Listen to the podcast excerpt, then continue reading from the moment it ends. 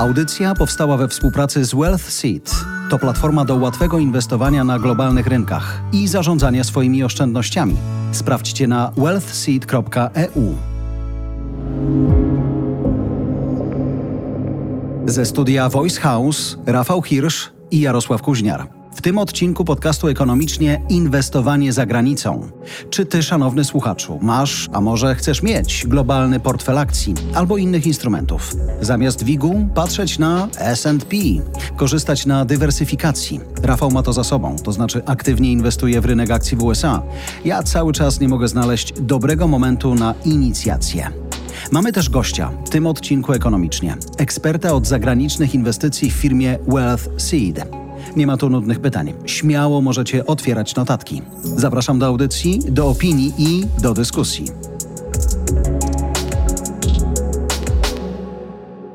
Tak od razu inaczej portfel inwestycyjny wygląda, jak masz tam jakąś flagę amerykańską albo jakieś spółki z parkietów, które no, polskie nie są. Tak. Światowo. No, można się uśmiechać do tego i no. myśleć sobie, kurczę, kto by pomyślał. Powiem ci, że. Będę akcjonariuszem Porsche. Na przykład. na przykład. Ja jestem cały czas takim gościem, który krąży wokół takiej inwestycji i zawsze za każdym razem, jak próbuję to zrobić, myślę sobie, poczekaj, znajdź lepszy moment. Też moment w ciągu dnia, że zastanów się nad tą inwestycją.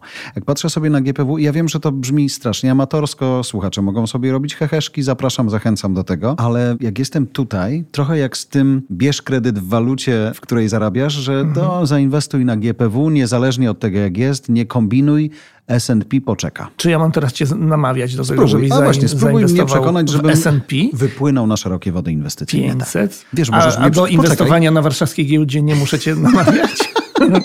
Zniechęć mnie do zainwestowania na GPW, a zachęć do, na Wall Street. Ale wiesz, jak mi powiesz, Jarek, są super indeksy w Brazylii, albo są super indeksy w Tokio, albo w, w Tanzanii. Wiesz, w Tanzanii i zainwestuj, no to ja się zdywersyfikuję, panie. No. Okazja. Once in a lifetime. Właśnie, może tak. A teraz jest za pół ceny. Jeszcze proszę brać, trzeba brać, bo okazja jest krótkotrwała. Po co Nie, ci zagranica? No, znaczy są moim zdaniem dwie przesłanki bardzo istotne, dla których ja na przykład osobiście na początku tego roku właściwie prawie cały swój portfel taki na emeryturę przełożyłem sobie w spółki amerykańskie. Część przełożyłem w euro, ale szybko się wycofałem, bo zauważyłem, że to chyba nie ma sensu. Generalnie cała Europa jest w kryzysie ze względu na wojnę i to nie ma większej różnicy, czy to jest spółka z warszawskiej giełdy, czy z niemieckiej giełdy, czy z francuskiej giełdy. Generalnie jest bardzo ciężko w Europie.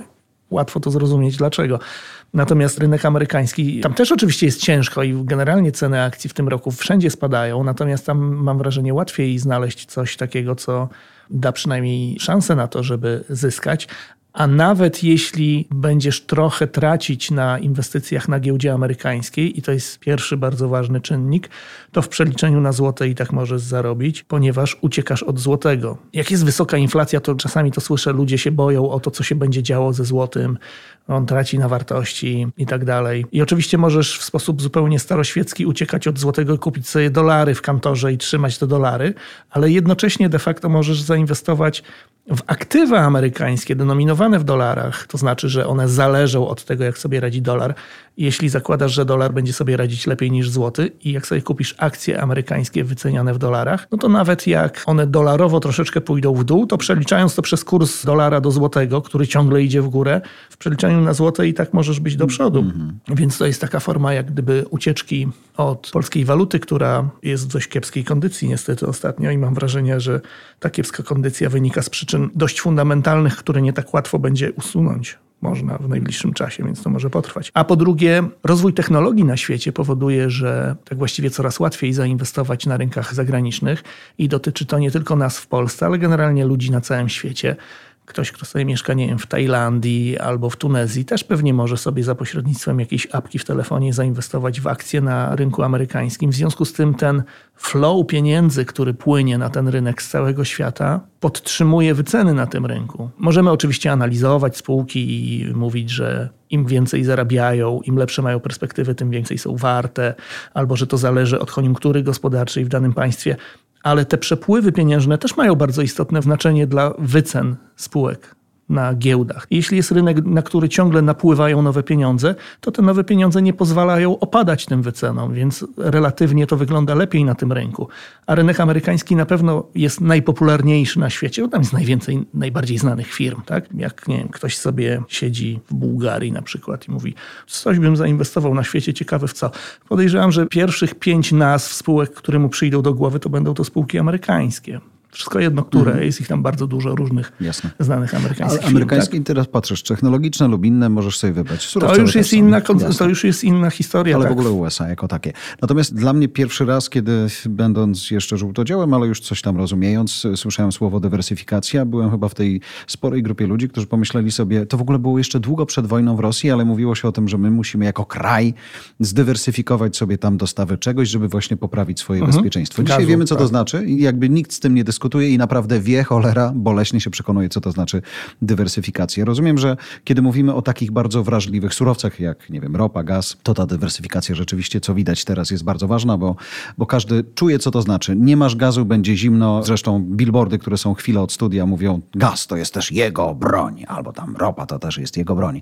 Kiedy mówimy o rynku akcji albo obligacji, to ta dywersyfikacja jest potrzebna do ochrony tego naszego kapitału, w który inwestujemy? Dywersyfikacja jest zawsze potrzebna do tego, żeby zmniejszać ryzyko. I wiesz, dywersyfikacja jest istotna nie tylko przy inwestowaniu na rynkach finansowych, ale także jak ktoś jest przedsiębiorcą i prowadzi biznes, to on też powinien sobie dywersyfikować źródła przychodów, czyli na przykład nie powinien trwać w takiej sytuacji, że ma tylko jednego klienta dużego.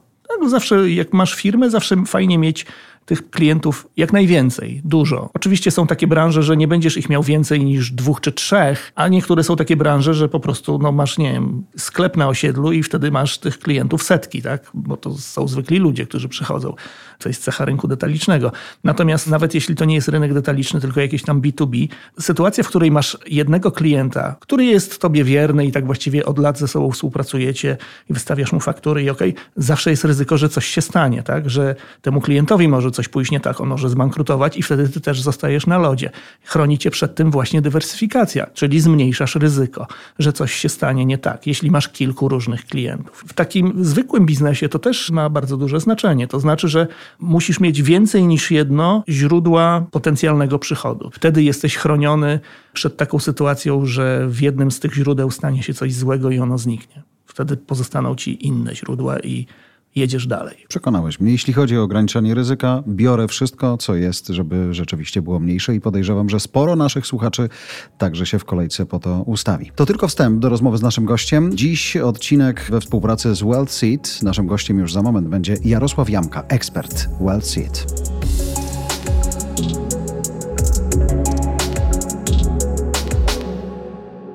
Kiedy mówimy o dywersyfikacji, wy mówicie, dołóżcie jeszcze nie tylko różne spółki, różne branże, ale dołóżcie sobie także zagranicę. Co to dzisiaj z polskiej perspektywy znaczy zagranica? Chodzi o inwestycje, o dywersyfikację naszych inwestycji, tak? Żeby nasze oszczędności, jeżeli część tych oszczędności inwestujemy w akcje, żeby cała część, którą inwestujemy w akcje, nie była inwestowana tylko w Polskę. Inwestujemy w amerykańskie, inwestujemy w europejskie, globalne. Ta dywersyfikacja jest potrzebna. Później jak patrzymy historycznie na różne stopy zwrotu, no to widzimy, że nie warto inwestować w jednym mniejszym kraju, bo te stopy zwrotu mogą być po prostu niższe. Ty się przyznawałeś, redaktorze, kiedyś, nie? że kupiłeś sobie jedną, tak. ale drogą akcję zagraniczną. Jaką, bo już nie pamiętam. Jest... To był albo Apple, albo Microsoft, albo coś tam jeszcze takiego. Apple sobie trochę więcej kupiłem. Coś tam kupowałem. A propos dywersyfikacji, chciałem opowiedzieć taką historię, skoro już zacząłeś, że faktycznie gdzieś tam na początku tego roku kupiłem sobie akcję Apple'a do IGZE, mhm. bo mam IGZE tak zrobione, że mogę też mhm. inwestować na rynkach zagranicznych. Kupiłem sobie akcję Apple'a i uciekłem z nich niedawno, jakoś tak miesiąc temu, bo tam się zaczęło sypać w Stanach Zjednoczonych. To nieciekawie wygląda. Do dzisiaj to nieciekawie wygląda. I nominalnie straciłem na tych akcjach. Znaczy sprzedałem sprzedałem te akcje za mniej niż je kupiłem. Tam kupiłem, nie wiem, nie pamiętam, 160 dolarów, a sprzedałem za tam 140 kilka czy coś takiego. Natomiast w przeliczeniu na złote i tak zaliczyłem zysk.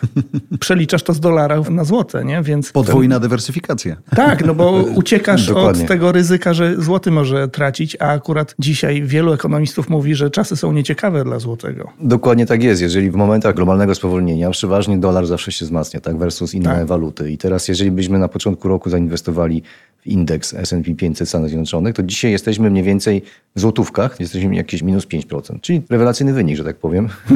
Jeśli się porównujemy... Do, jeżeli się porównujemy do innych indeksów, które pospadały po 30-40% na przykład w tym samym okresie. Ale to ładne. Rzeczywiście jesteśmy w takim momencie, nawet nie roku, ale powiedzmy cyklu gospodarczego, kiedy powiedzenie ile? No minus... E, no to brawo, gratuluję. To jest w ogóle... Minus, a cieszy. To jest w ogóle kluczowe przy inwestowaniu dla nastroju twojego, przy inwestowaniu, żeby właśnie ustawić się tak, że się porównujesz do rynku, a nie patrzysz na nominalne zmiany, bo wtedy możesz się cieszyć de facto z tego, że straciłeś minus 5, bo jesteś lepszy od rynku, nie? Ale ta dywersyfikacja będzie działać też w drugą stronę, tak? Jeżeli spojrzymy sobie na okresy, nie wiem, hossy dużych wzrostów, no to też akcje czy Apple, tak, rosły jak na drożdżach versus mniejsze wzrosty na przykład nad Wisłą, tak? Także to działa po jednej i po drugiej stronie ta dywersyfikacja i warto po prostu ją mieć z tyłu głowy i dywersyfikować nasze inwestycje. Ważne jest też to, jak głęboki, jak duży jest rynek, z którego chcemy się wydywersyfikować na zagranicę? No oczywiście nasz lokalny rynek jest, jak porównujemy się do innych rynków, jest bardzo mały. Jeżeli czy na tle rynków emerging markets, czy na tle globalnych akcji, tak, ten rynek jest mały,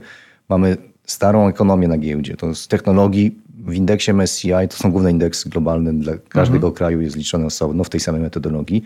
W indeksie MSCI mamy dwie spółki technologiczne w Polsce, także... Allegro i CD Projekt, tak? Zapewne. E, nie, nie, e, to jest Aseco i AviChat. CD Projekt to są spółki inne, znaczy w innej branży. Okay. Allegro zwykły sklep, tylko, tylko, tylko przez internet zamawiasz. Tak e-commerce, tak, tak, tak, to jest e-commerce. Ale to na co zwracasz uwagę, dlaczego to jest ważne, że jakby po staremu się trochę patrzy na te spółki, które tutaj są, to sugeruje, że jakby ta giełda, jej wartość jest niedoważona versus to, jak realnie dzieje się w gospodarce, w tym technologicznym, czy nie tylko kontekście? Znaczy, jest kilka punktów takich ważnych. Znaczy, po pierwsze, nasza gospodarka jest relatywnie dość mocna, tak? I w ostatnich latach rosła versus, nie wiem, czy gospodarki w regionie, czy w Europie całkiem mocno. Natomiast giełda jest jakby troszeczkę inna. Giełda zostaje w tyle, bo na giełdzie mamy branżę głównie finansową, branżę energii, tak? Mhm. Te dwie branże w ostatnich 10 latach miały bardzo słabe wyniki versus na przykład, nie wiem, technologia, e-commerce, healthcare, te branże, z których składa się na przykład indeks amerykański, tak? S&P 500, mhm. 50% praktycznie, 40% to jest healthcare,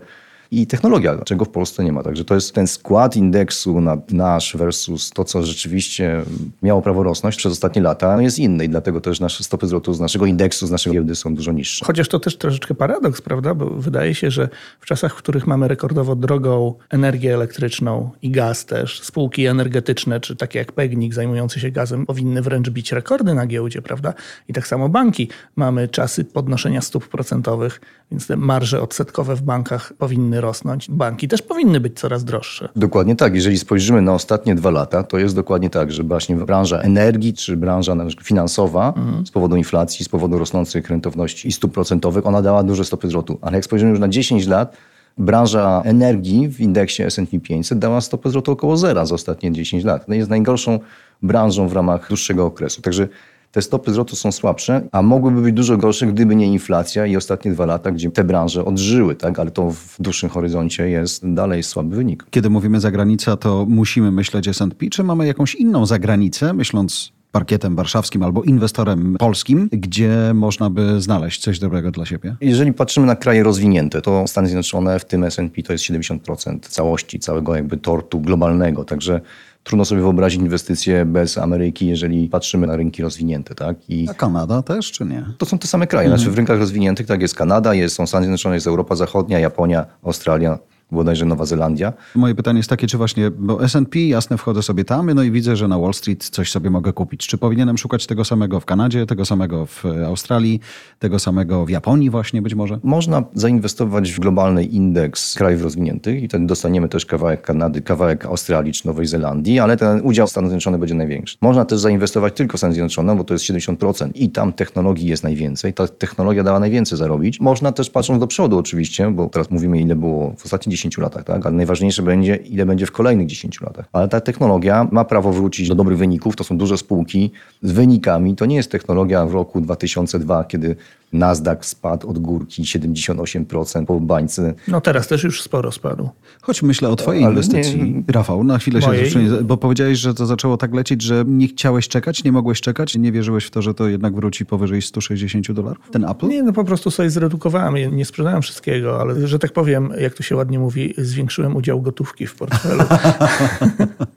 Tymczasowo, nie no, liczę na to, że sobie tego Apple'a odkupię taniej za jakiś czas. Jaką perspektywę dzisiaj przyjmować? Bo mówisz, myślmy nie tylko tym, jak to wygląda historycznie, ale tym, jak to może wyglądać w przyszłości. 5, 10, 15, 3 lata, skoro kryzys? Znaczy, jeżeli chcemy inwestować, to powinniśmy myśleć w dłuższych okresach. To jest jakby też bezpieczniejsze dla inwestycji w ryzykowne aktywa, takie jak akcje. Tak? Oczywiście ktoś może pospekulować i zainwestować na kilka tygodni czy na kilka miesięcy, tak? ale generalnie powinniśmy myśleć w dłuższym okresie.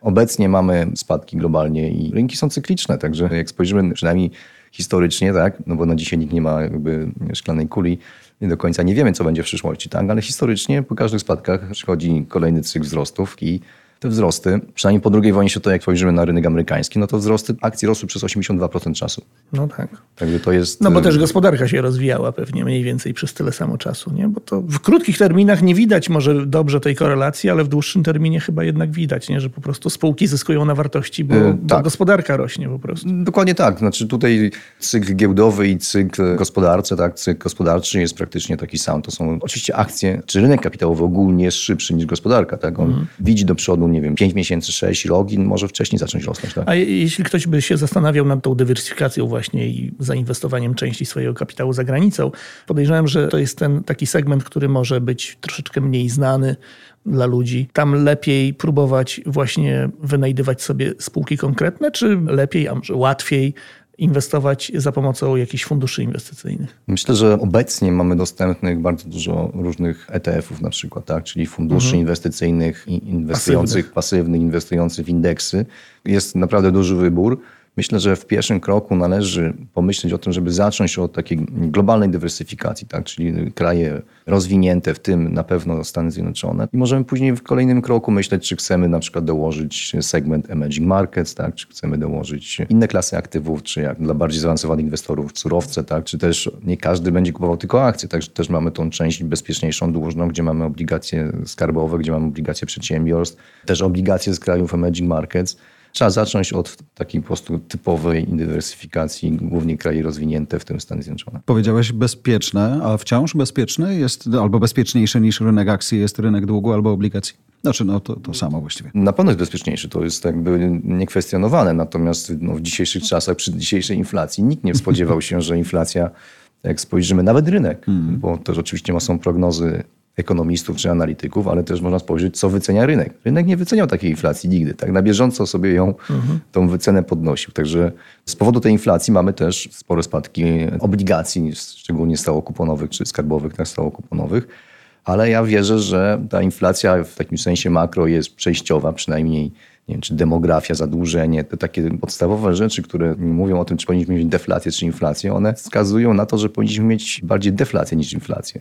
Natomiast z drugiej No strony... mamy wojnę i mieliśmy pandemię, prawda? Więc mamy bąbelek inflacyjny teraz. Pandemia tak, ale tak naprawdę to, że tak powiem, jak się człowiek uprze, żeby wygenerować inflację, to ją zawsze może wygenerować. Tak? I te olbrzymie stymulusy, które były globalnie jako skutek pandemii czy walki z pandemią, one de facto są nawet bardziej niż różne zaburzenia łańcuchów dostaw czy po stronie podejrzanej gospodarki. Tak?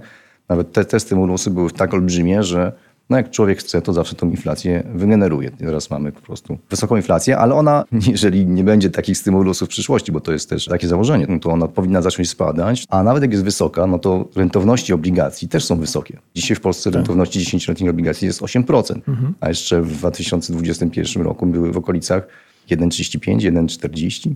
10-letnich obligacji. Także teraz dostajemy też 8% rocznie, tak? a nie 2% powiedzmy. Bo potaniały, tak? No, rentowność jest odwrotnością ceny w przypadku obligacji, więc to tak jak z akcjami. W ogóle czytałem ostatnio, że taki klasyczny portfel 60 na 40, czyli 60% portfela w akcjach, 40% w obligacjach w tym roku przynosi największe straty od kilkudziesięciu lat na świecie. Tym razem akurat jest taka sytuacja, że obligacje nie dały tej ochrony dla części akcyjnej. No akcje się posypały, ale obligacje też się posypały. A surowce, o których powiedziałeś, tutaj w ogóle można mówić o dywersyfikacji. Jak ja kupuję surowiec, no to ja go kupuję po prostu globalnie. Ja nie kupuję go na rynku amerykańskim, prawda? Jak to jest? Surowce to już jest bardziej zaawansowana jakby rodzaj inwestycji. Część surowców nie funkcjonuje tak jak akcje. Tam nie ma wartości na końcu i raczej one bardziej działają jak oscylator, czyli że jak jest mocna ekspansja, mocny popyt, no to cena ropy rośnie, tak? a później cena ropy spada. Także to są takie surowce, które warto mieć w portfelu pod koniec cyklu, kiedy popyt jest wysoki. Czyli tak? tu dywersyfikujemy to, na co wydajemy nasze pieniądze inwestując, a nie regionalizując. Surowiec to surowiec. Tak, surowiec to surowiec. Oczywiście część surowców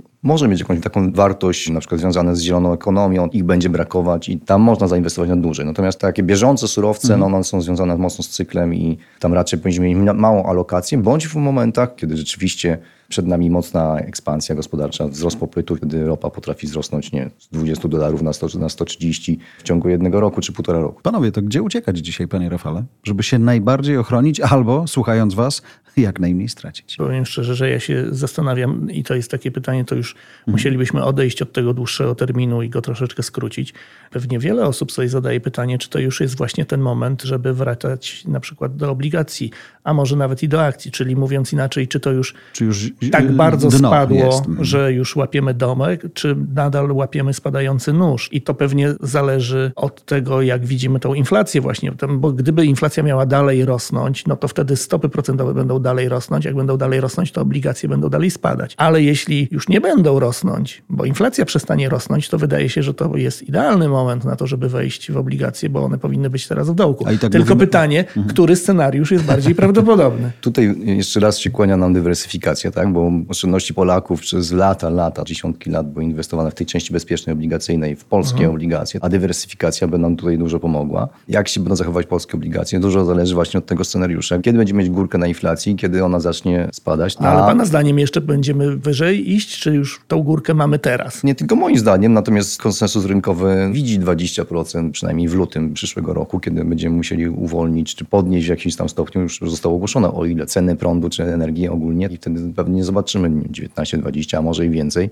Także tutaj dywersyfikacja jest jak najbardziej wskazana. W jednej części inflacja jest globalna, tak i ona mhm na całym świecie urosła i na całym świecie powinna zacząć spadać, a w niektórych krajach będzie bardziej lokalna. Tam, gdzie będzie bardziej lokalna, no to wtedy bardziej trzeba by zainwestować w obligacje indeksowane do inflacji, a nie zwykłe. Tam, gdzie będzie odpadać, bardziej trzeba zainwestować w obligacje zwykłe, bo one wtedy więcej zarobić niż indeksowane inflacją. Tak? Albo może nawet i w akcje tak, na tych rynkach. No bo jeśli zacznie znikać problem z inflacją, to może nawet i stopy procentowe zaczną spadać. Tak? I tutaj znowu myślę o Stanach Zjednoczonych, mm. bo czytałem opinię, że tam się uporają z inflacją najprędzej. A dlaczego? Co takiego zrobią cudownego, że im się najszybciej uda? No bo Fed jest najbardziej taki... Zwinny. Znaczy mają, naj, tak. mają najsilniejszą walutę i mają też bardzo mocno podnoszone stopy przez Fed, które dojadą do 4, 4,50, 4,60. Tak. No i trzecia sprawa, nie leżą w Europie. Czyli ten kryzys mają, tak. energetyczny tak. związany tak. z wojną z Putinem mm. nie dotyczy Stanów Zjednoczonych tak naprawdę.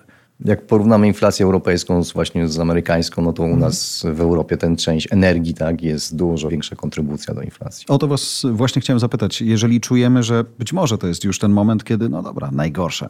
O, tak było, najgorsze za nami. Na jakim rynku, a propos też dywersyfikacji, się skupić, bo tamte odbicie może być najszybsze, najskuteczniejsze, najbardziej wyraźne. Rafał powiedział Stany Zjednoczone. Zgadzasz się z tym? Tak, zgadzam się. No myślę, że Stany Zjednoczone mają prawo wyjść z tego kryzysu jako gospodarka i przez analogię jako rynek kapitałowy najmniej poszkodowane versus, mhm. nie wiem, Europa versus Chiny versus emerging markets. Z tego powodu chociażby, że wojna jest w Europie, a nie w Stanach. Mają mniejszy problem związany z cenami energii. Tutaj nie ma takiego kryzysu energetycznego jak w Europie. Także mają prawo wejść najmniej poszkodowani. Też będą poszkodowani, ale najmniej. Także to rynki kapitałowe mogą docenić i myślę, że chociaż w pierwszym etapie wszędzie się mocno odbije. Tutaj kluczem będzie dywersyfikacja, bo po pierwszym odbiciu, no jak zawsze jak spojrzymy sobie na dołki jakichś powiększych spadkach, no to wszędzie mocno się odbija, tak? Ale po 6 miesiącach miesiącach czy 9-12 miesiącach te rynki, które mają lepsze perspektywy i gospodarcze, i zysków spółek, tak, będą rosnąć mocniej niż te kraje, gdzie jeszcze będziemy czuć. Chociażby na przykład z powodu inflacji, inflacja zbyt wysoka może no, też po prostu obniżyć nam wzrost przyszłości gospodarczej. Tak? Próbuję sobie, jestem tutaj najmniej wyedukowany versus wy, więc być może zadam pytanie banalne na koniec, ale szukam jeszcze jakiejś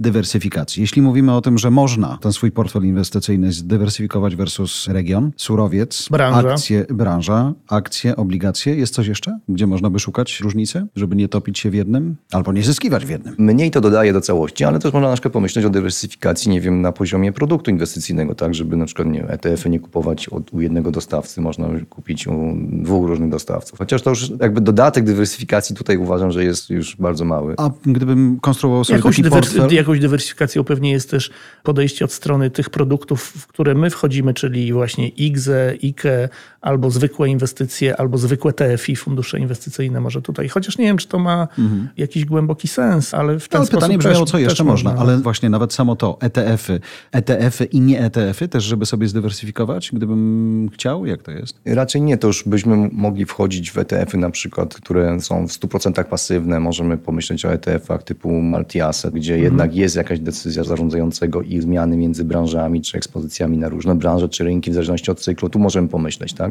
Moim zdaniem najważniejszą dywersyfikacją jest, żebyśmy nie mieli całości naszego majątku, czy części inwestycyjnej związanego po prostu z Polską, tak? Bo od Polski zależy nie tylko wartość naszego, powiedzmy, stopy wzrostu z naszego majątku, ale też nasze dochody w formie, nie wiem, PKB. Jak PKB będzie niższe, no to wzrost wynagrodzeń też będzie niższy. Także tutaj trzeba się zdywersyfikować, moim zdaniem, troszeczkę od naszego kraju.